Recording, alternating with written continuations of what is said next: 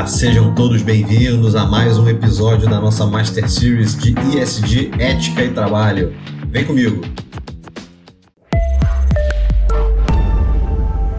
Vamos lá, meu povo? Então, assim, no último episódio, a gente falou bastante sobre o que o colaborador deve esperar da sua empresa e como é que os líderes, os gestores conseguem realmente construir esse ambiente virtuoso.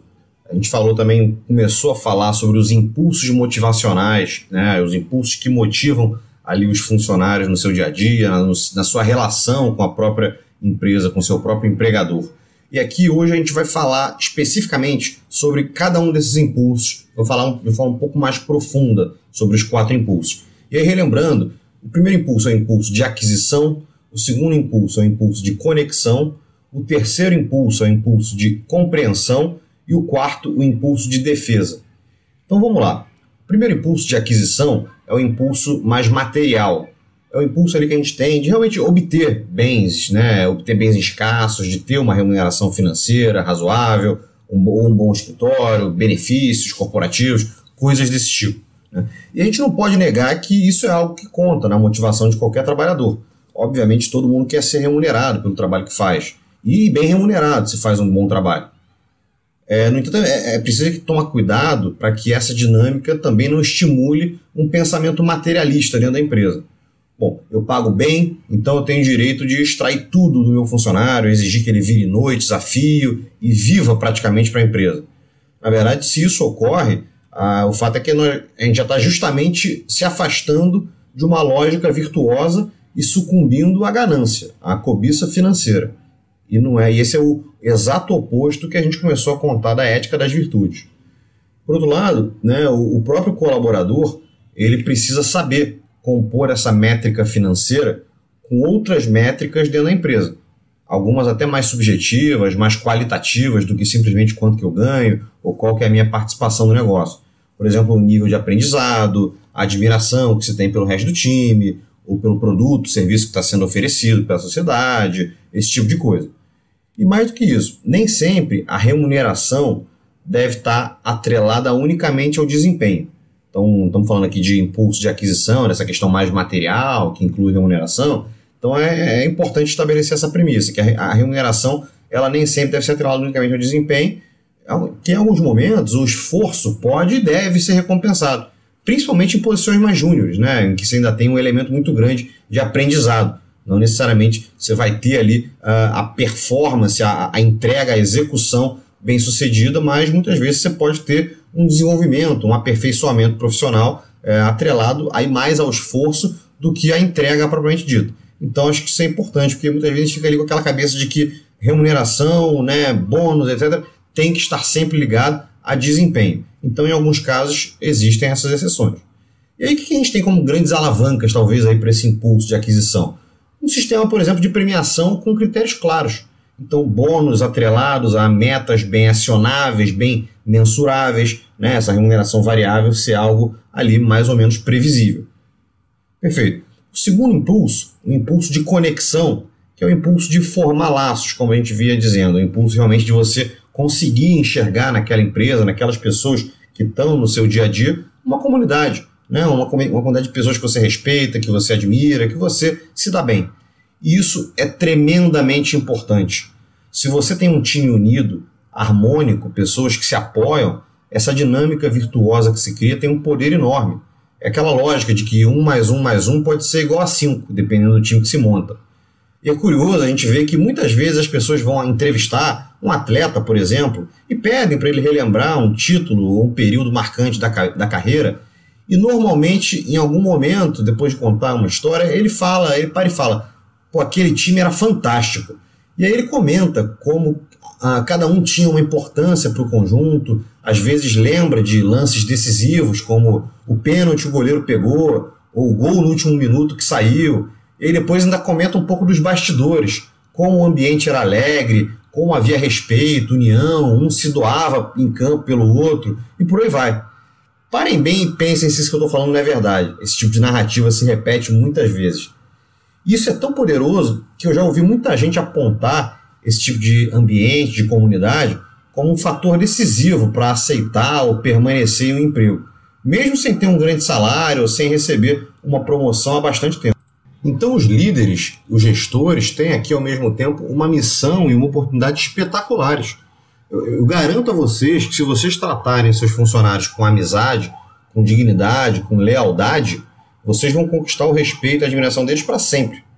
Seu funcionário nunca vai esquecer do carinho que você teve com ele quando ele precisou faltar um ou dois dias porque a mãe sofreu um acidente e ele precisou cuidar dela, ou quando a sua funcionária estava voltando de uma licença maternidade e você falou sinceramente como ela fez falta nos últimos tempos e disse ainda que ela poderia ter flexibilidade de mudar alguns horários para acomodar com a agenda familiar nessa volta, nesse começo.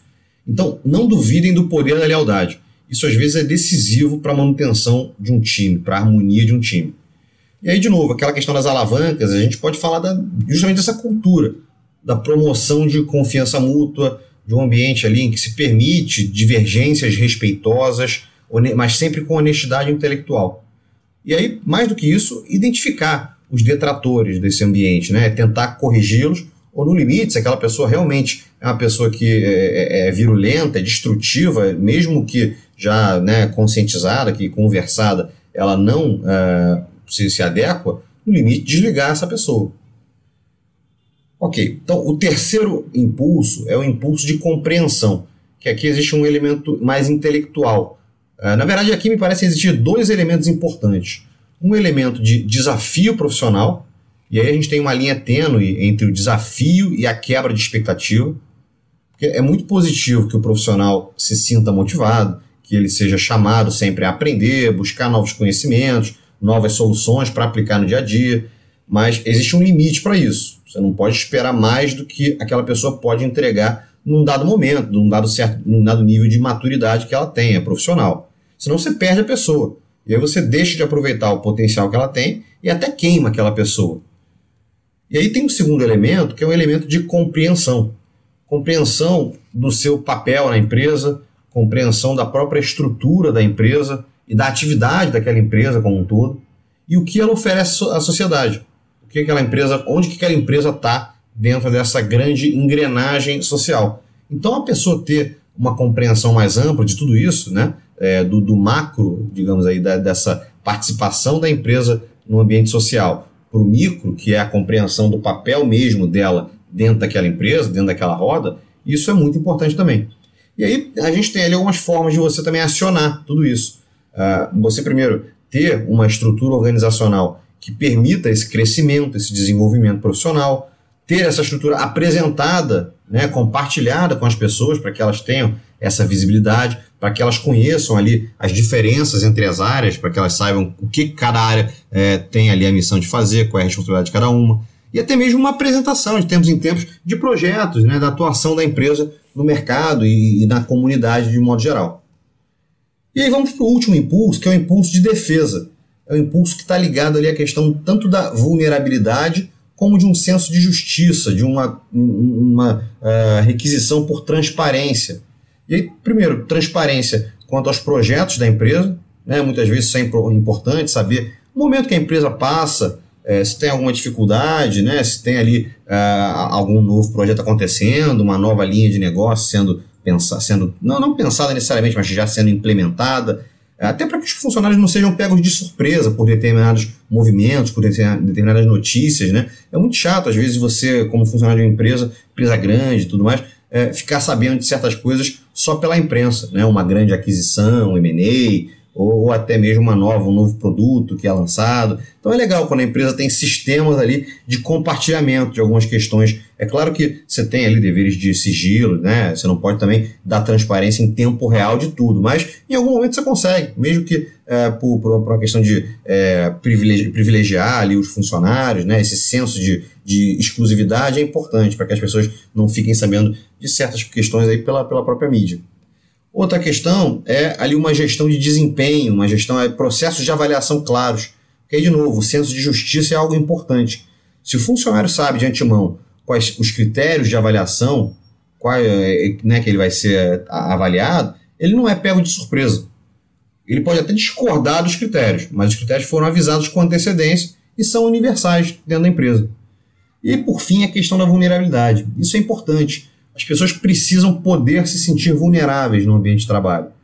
Uh, uma pesquisadora chamada Brené Brown, ela fez um estudo muito interessante sobre esse tema. Até recomendo que vocês assistam a palestra que ela tem no TED Talks. Uh, e, e, então, assim, a pessoa precisa se sentir à vontade para poder um dia chegar para o chefe ou chegar para um colega de trabalho e dizer que aquela está sendo uma semana mais difícil, sabe? Ou porque, sei lá, você pode descobrir um possível problema de saúde, ou que você teve uma perda familiar, né? Ou que você soube de alguma questão ali é, que te deixou um pouco mais é, vulnerável né? naquela, naquele momento, naquela semana. Vejam bem, eu não estou dizendo que isso seja desculpa para ninguém ser mal educado, ser mal-humorado, deixar de trabalhar duro, nada disso não. Mas ter essa liberdade, essa abertura de poder dizer isso, é, sem, sem, sem ser julgado, sem ser ali, mal visto, isso é fundamental. E mais do que isso, as pessoas precisam também é, se permitir errar. A cultura do erro zero não leva a lugar nenhum. O erro pode ocorrer, obviamente ele precisa ser prontamente avisado, corrigido, e mais do que isso, gerar aprendizado, até mesmo no processo como um todo, para que aquele erro não se repita.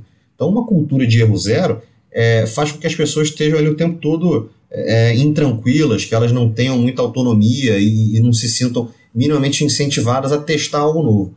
E aí um último ponto que é importante é, é eu, eu, sempre fui adepto de uma filosofia de que você deve fazer elogios em público, o reconhecimento sendo feito em público, e por outro lado, as críticas, sobretudo aquelas mais severas, em particular, para não expor aquela pessoa não fazer com que ela se sinta ali é, né, exposta realmente dentro de todos os colegas. Às vezes você consegue né, com, com tato, com jeitinho, dar um feedback em particular com a mesma eficiência. Então aqui essa ideia foi justamente colocar esses quatro impulsos motivacionais para que gestores, empreendedores, líderes de modo geral possam levar isso em consideração uh, dentro dessa todo essa, esse processo de gestão de pessoas dentro de uma empresa e usar essas ferramentas no seu dia a dia, porque ela é muito, elas são muito importantes de verdade. Tá bom, gente? Então até o próximo episódio. Vejo vocês muito em breve.